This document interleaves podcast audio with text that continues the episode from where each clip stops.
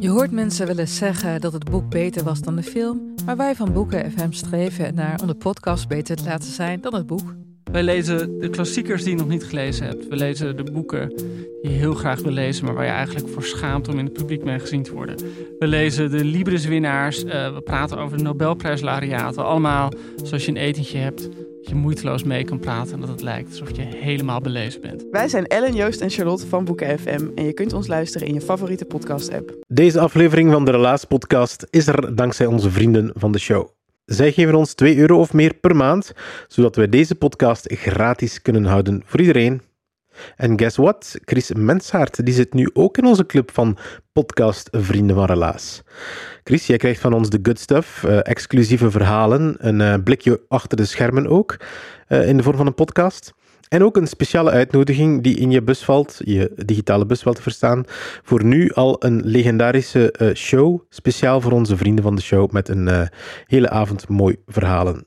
Dus als jij dit verhaal vandaag gratis beluistert, weet dan dat iemand anders het aan jou cadeau heeft gedaan. Maar jij kan het op je beurt ook doen. Je kan iemand anders een plezier doen door ook vriend van de show te worden. vriendvandeshow.be slash relaas.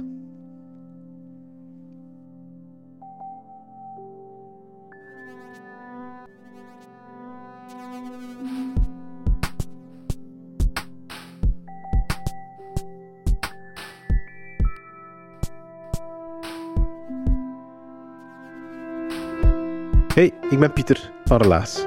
In Relaas vertellen mensen waar gebeurde verhalen die ze zelf hebben meegemaakt. Tessa vertelt het verhaal van een verborgen liefde.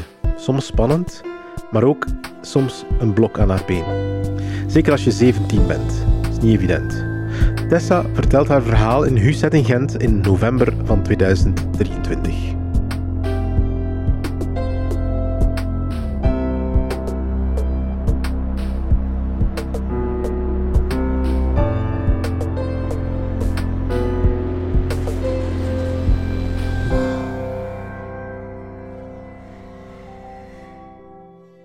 Zit in het vijfde leerjaar. Ik heb een lief, Stijn, en ik vind dat eigenlijk niet tof. En al snel besluit ik om dat ook gedaan te maken. En wat later ga ik op een CM-kamp. En ook daar heb ik zo in die weken lief opgescharreld.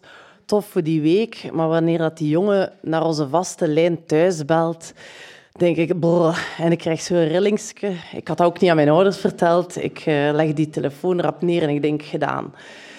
En op een of andere manier is dat altijd blijven hangen dat ik dacht van een liefhebben, pff, waarom zouden dat doen? Dat is toch niet toch direct voor het leven als je in de lagere school of in het middelbaar zit. En elke keer als ik verliefd word, sus ik mij met dat idee van dat hoeft nu nog niet.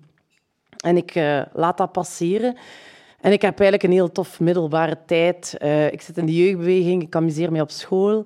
En ik geniet echt ook van dat jeugdbewegingsverhaal. Want plots, waar ik altijd zelf een kind was, mag ik nu plots leiding zijn. En de mensen waar ik altijd naar opkeek of waar dat samen ja, activiteiten mee deed, dat worden plots uw naasten, wat heel fijn is. En ook met je leeftijdsgenoten zit je in dat leidingsverhaal en dat is heel tof. En uh, we doen heel veel dingen samen. We gaan ook achteraf uh, op café drinken. En daar doen allerlei verhalen de ronde. Um, waardoor dat ik die mensen ook beter leer kennen. En een van die verhalen is dat zelf een leeftijdsgenoot van mij, een vriendin van mij, um, een relatie heeft met onze verantwoordelijke van de jeugdbeweging.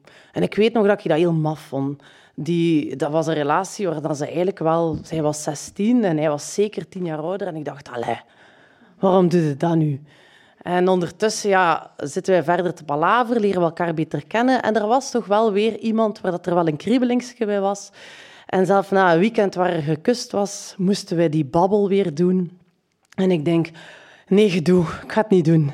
Ik zie het niet, ik zie het niet voor mij, ik weet niet hoe dat we eraan gaan beginnen. Uh, hoe gaat dat dan zijn, jij mij lief? En al die gedachten zorgden ervoor dat wij urenlang op een berg zaten te babbelen of het iets zou worden. Er kwam geen gebabbel. Het was een zeer ongemakkelijk, pijnlijk gesprek over koetjes en kalfjes. En er is niks beslist. En het is dus heel pijnlijk ook gewoon zo een stille dood gestorven. En opnieuw heb ik geen lief. En ik vind dat eigenlijk prima. Nochtans had ik wel echt iets voor die jongen, maar ik zag het niet gebeuren. En ik amuseer mij verder, ondanks dat dat een beetje een pijnlijke uh, situatie was, amuseer was verder in die jeugdbeweging. Totdat ik plots uh, die ene verantwoordelijke, waar mijn vriendin dus een relatie mee had, dat was ondertussen zo afgesprongen, leer ik ook beter kennen. Maar doordat hij veel ouder is, um, kom ik in een andere leefwereld terecht. Um, dat is eigenlijk wel tof. Dat is speciaal. Die nodigt mij mee uit naar dingen. En dat is een wereld die niet is zoals mijn leeftijdsgenoten en veel toffer is. En dat is eigenlijk ook wel speciaal en ik geniet daar wel van. Er is geen echte verliefdheid, maar ik hunker wel elke keer naar dat moment dat ik daarmee naartoe mag. En dat is ergens zo'n beetje geheim, want dat zou te pijnlijk ook zijn voor die ene vriendin waar dat hij een relatie mee had, dat ik plots zoveel met hem deed. Ik kan oprecht niet zeggen dat ik daar verliefd op was, maar er was wel een spanning. En ik was een beetje verslaafd geworden aan dat gevoel of zo. En ik zat plots in een verhaal waar ik niet wou inzitten en toch wel. Ik zat in dat verhaal waar ik wou inzitten, namelijk het is spannend, het is wijs, dat is ja, uniek. Ik voelde mij groot en belangrijk, ondanks dat ik maar 17 was of zo. Um, maar tegelijkertijd mocht ik niks aan mijn vrienden zeggen. En als die tijdens een van de activiteiten iets vroeger of in de, in de jeugdbeweging van huh, wat, wat is dat daar, zeg ik ja, er is niks. En heel snel kwam ik in een gevoel van leugens. En ik had dat niet gewild, maar ik zat er dan toch plots in. En ook bij mijn ouders, die, die begonnen ook vragen te stellen, waardoor ik plots moest wel zeggen van ja, ik heb daar iets mee. En plots had ik dan toch gelijk lief of zo. En mijn ouders vonden dat wel raar dat hij zoveel ouder was. Maar gek genoeg, ondanks een beetje oordeel, keurden die dat wel goed op hun manier. Ze hebben nooit echt in hun kaarten laten kijken, maar ze hebben mij dat ook niet verboden, wat ik wel enorm apprecieer. En vanaf dan had ik het gevoel, ah, heb ik nu een relatie met die man of niet? Maar het was eigenlijk al een beetje te laat. Ik zat in iets verweven dat niet oké was. Um, mijn vrienden begonnen dat ook steeds meer op te merken en een beetje zo te, te stoken. Waar we vroeger op café zaten en babbelden over al onze ja, leeftijdsgenoten en kameraden wat er gebeurde, was ik plots het gespreksonderwerp, want ik was daar niet meer op die caféavonden, want ik zat bij die man. En ik werd steeds meer...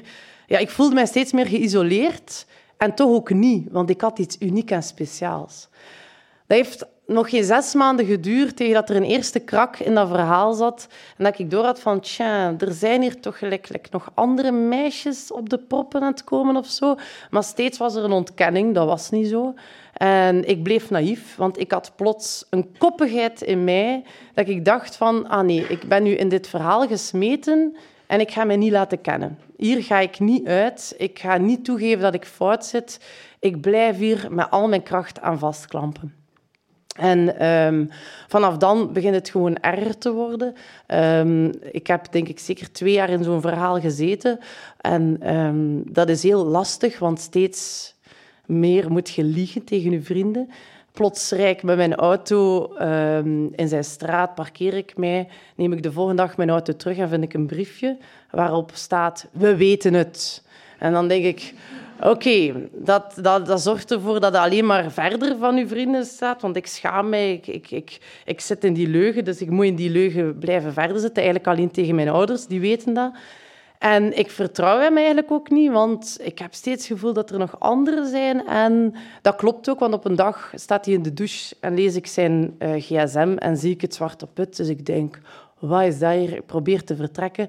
Maar op een of andere manier kan hij mij weer overtuigen en zit ik er weer vast in. Heel raar. Ik blijf gelijk in dat, ja, in dat web zitten. Ik raak daar niet uit. Um, er zijn tal van confrontaties geweest van mijn kameraden en ik blijf vliegen. Ik ben zelf op reis geweest, waarbij er, er op geen enkele foto uh, een zichtbaarheid van die man is. En ik maar zeggen dat ik daar met iemand anders was en dat dat de fotograaf was en dat het normaal was dat ik daar alleen op stond. Echt, als je daar nu over nadenkt, dat zijn belachelijke verhalen, maar ik, ik, ik vertelde die. En um, het, het bleef maar escaleren. En op een of andere manier... Ik voelde mij absoluut niet goed. Ik voelde mij heel slecht zelf. En toch blijf je daaraan vasthouden. En die twijfel dat er nog andere meisjes waren, want we spreken niet over één meisje, meerdere meisjes, dat bleef maar totdat ik eens aan zijn huis passeerde, dat hij mij had afgewimpeld met de smoes dat hij niet thuis was. Ik door de brievenbus kijk in de gang en twee fietsen zie, zijn fiets en nog een, eh, een meisjesfiets. En toevallig ook iemand van mijzelf, de jeugdbeweging, want dat was wel een patroon dat zich herhaalde. Um, en ik probeerde ook ja, uit mijn koppigheid mij altijd klem te zetten. En ehm, dan deed ik bijvoorbeeld dat ik met mijn ouders afsprak dat ik bij hem bleef slapen. En dan zei ik van, ja, is het oké dat ik uh, na een jeugdbewegingsactiviteit bij u blijf slapen? Dan kon hij like, precies niet nee zeggen, want ja, hè, er was toch niemand anders. En dan um, durfde hij het ja, hij wou precies niet in zijn kaarten laten kijken en zeggen, ja, ik heb eigenlijk nog met iemand afgesproken en ik wou niet bougeren. En op een of andere manier, op een bepaalde avond, heeft hij mij zo ver kunnen overtuigen om naar het lege jeugdbewegingslokaal te gaan en daar de nacht door te brengen. Want eigenlijk had hij afgesproken met de andere meisje die terug ging komen van een festival. En hij wou niet toegeven uh, dat dat gebeurde. Ik wou mijn ouders zeker niet toegeven dat er een probleem was. Want zij hadden dat natuurlijk wel door, maar ik bleef ontkennen. En um, dan zat ik daar op mijn eentje in dat leeg jeugdbewegingslokaal op een veldbeddeke, in een, een slaapzakje van de een of een andere. En dan zat ik te denken, zie mij hier nu zitten. Hoe belachelijk is dat? Ik was toen 19 of zo en denk ik, dit is toch niet hoe het moet zijn? Maar mijn koppigheid neemt het nog altijd over, dus ik besluit om dat meisje te confronteren met wat er gaande is.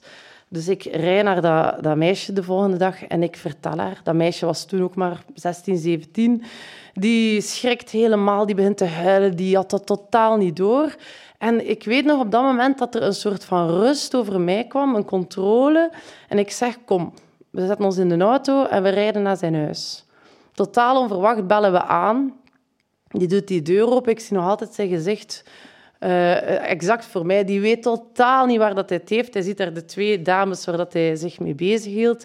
En die is volledig in shock. Die is volledig het noorden kwijt. Die begint te huilen als een klein kind. Die begint zo heel repetitieve bewegingen te doen. Die is volledig het noorden kwijt. Dat meisje ook. En ik ben de kalmte zelf en ik denk, oké, jij gaat op de trap zitten, jij gaat in de zetel zitten en jij dit en jij dat. En dat was een rust die over mij kwam en ik dacht, oké, ik heb het onder controle. Maar zo hoopte ik ook dat ik opnieuw mijn strepen verdiend had en dat dat meisje uh, ging passeren en dat ik de heldin van het verhaal ging zijn. En raar, ook op dat moment wou ik nog altijd niet toegeven wat er gaande was en heb ik besloten om ergens toch weer terug te keren naar die man. Um, en dat, dat stopt niet. Dat is heel raar. Je weet dat fout is, je weet dat je isoleert. Ik heb mij in die periode verschrikkelijk slecht en eenzaam gevoeld. Uw vrienden vertrouwen u niet. Um, met mijn ouders ging het ook niet zo goed. Allee, de band wel, maar je voelde dat ik mij een beetje distancieerde.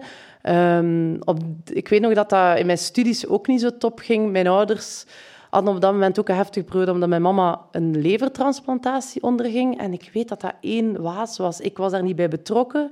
Als ik daar achteraf op terugkijk, mijn mama heeft echt allee, haar leven, dat was echt aan een zijde draadje. En dat is gelijk of dat, dat allemaal passeerde.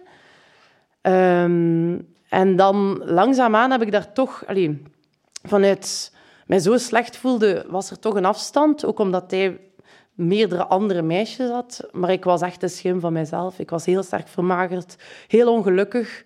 Ik was gelukkig, had ik die achterban wel nog, dat ondanks dan die, ja, dat ik die zo belogen had en zo een, een wereld voor hen verborgen hield, hebben die wel um, mij terug omarmd. Heel, in het begin heel klein, heb ik dat ook durven zeggen. Maar mondjesmaat, je vertelt niet alles.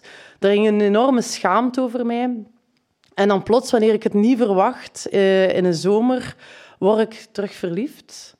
Um, wanneer ik dacht dat dat nooit meer ging mogelijk zijn. Uh, toen was ik twintig, ging ik 21 worden. En dat is... Ja, dan plots heb je door wat dat een lief echt moet zijn. En heb ik door dat ik eigenlijk heel de tijd bij een heel rare narcistische persoon zat. Eigenlijk een narcist. Iemand die zichzelf voorop stelt. Iemand die eigenlijk heel weinig rekening houdt met iemand anders. Die mij eigenlijk een klein beetje ja, kapot heeft gemaakt op een bepaalde manier. Um, ik... Uh, ik ben langzaamaan er bovenop gekomen door te beseffen dat dat helemaal fout was. Ik heb ook gemerkt hoezeer dat, dat mijn zelfbeeld heeft aangetast en hoe dat, dat ook nog in mijn volgende relatie effect had. Ik zat met heel veel schaamte, heel veel schaamte naar mijn ouders toe, naar mijn vrienden toe. Ik was ook kwaad, ongelooflijk kwaad, um, dat iemand mij dat gelapt had en dat die dat hij zomaar van mij kon winnen, dat ik niet, veel, dat ik niet meer eigenwaarde had om mij daartegen te verzetten. Ik, die dat in de tijd zo belachelijk vond dat die vriendin verliefd was geworden op zo iemand. Ehm, dus ik schaamde mij enorm. Dat was verschrikkelijk, maar langzaamaan is dat wel beginnen opentrekken. En heb ik ook ingezien hoe fout het van die persoon was om jonge meisjes daarin te betrekken. Ehm, heel raar, die is dat wel blijven doen. Maar plots was de poelen in ons jeugdbeweging op. Was het net een beetje te nauw rond hem gespannen. En heel raar, die heeft op een gegeven moment gewoon zijn alles genomen wat hij had en zich verhuisd naar een eh, nieuwe stad. Maar Vlaanderen is klein. Hè? En via via ben ik dan toch te weten gekomen dat heel raar, die is terug gewoon een nieuwe identiteit daar beginnen opbouwen, maar die doet precies hetzelfde daar. Dus we zijn nu bijna twintig jaar later en uh, ondertussen zijn er alweer heel veel meisjes de revue gepasseerd en doet hij dezelfde dingen. En dat maakt mij soms wel kwaad, omdat ik denk van, maar ik heb daar zoveel voor afgezien. Ik heb uh, soms nu nog een geur, een woord, een lied, ja, een bepaalde trigger. En ik word echt teruggecatapulteerd naar dat moment dat ik mij zo klein en miserabel heb gevoeld. Zo onzeker en dat hij eigenlijk ongestraft dat verder kan doen. En ik ben mijn vrienden ongelooflijk dankbaar um, dat die toch mij niet hebben opgegeven. En dat gesprek blijft raar, maar een paar jaar geleden, nog niet zo lang geleden, twee jaar geleden of zo, hebben we eindelijk een keer de moed gehad om dat gesprek open te trekken. En uh, zijn we eindelijk een keer alles kaarten op tafel beginnen gooien. Heb ik ook eens gezegd wat een effect had dat had om een briefje um, uw, allee, aan uw auto te vinden waar dat erop staat van we weten het. Zij hebben dan verteld dat dat een poging was om te tonen van kom, we willen u helpen. En ik heb dan uitgelegd hoe dat, dat eigenlijk nog meer afstand heeft gecreëerd, omdat ik zoiets had van amai, ze wijzen mij met de vinger. We hebben een keer proberen uitleggen aan elkaar hoe dat, dat was. En eigenlijk is dat een prachtig moment geweest waarin dat we elkaar nog meer gevonden hebben. En dat ik echt zo dat laatste brokje schaamte voelde weggaan. Ik heb zo het gevoel dat ik mijn krediet volledig herwonnen heb bij mijn vrienden. En dat was eh, voor mij zo'n belangrijk moment dat ik nu kan terugkijken en denken van... Ah, zalig. Ik heb tenminste die vriendschappen. Ik heb mijn lief. Ik heb mijn leven. Ik ben content. Ik heb mijn eigen waarde. En hij is niet gewonnen. Dank u wel.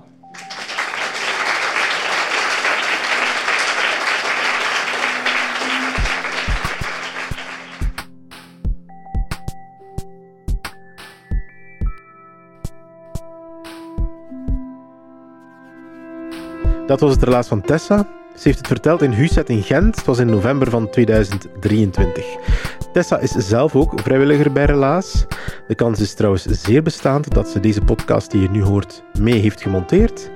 En ook voor jullie heeft online gezet en gepubliceerd. En uh, toch altijd handig dat mensen uit onze Relaas-crew altijd wel een verhaal uit zijn mouw kunnen schudden. Relaas blijft in de lucht dankzij de steun van de cultuurafdeling van de stad Gent. En door jullie, onze vrienden van de show. Elke maand leggen onze kameraden 2 euro of meer eh, op tafel. Dat is ongeveer het bedrag van één banaan die ik deze week in de veel te dure fruitwinkel heb gekocht. Wij blijven daardoor jagen op pakkende verhalen. Wij kunnen daardoor coaching geven aan mensen, zodat ze het verhaal met een uh, gerust hart op het podium kunnen achterlaten.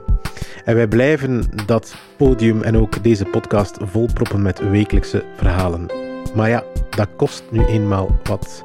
Om die teams in Gent, Brugge en Antwerpen draaiende te houden. Dus als je deze podcast met plezier beluistert, overweeg het dan om ons te supporten. Dat kan via vriendvandeshow.be slash relaas. Dankjewel.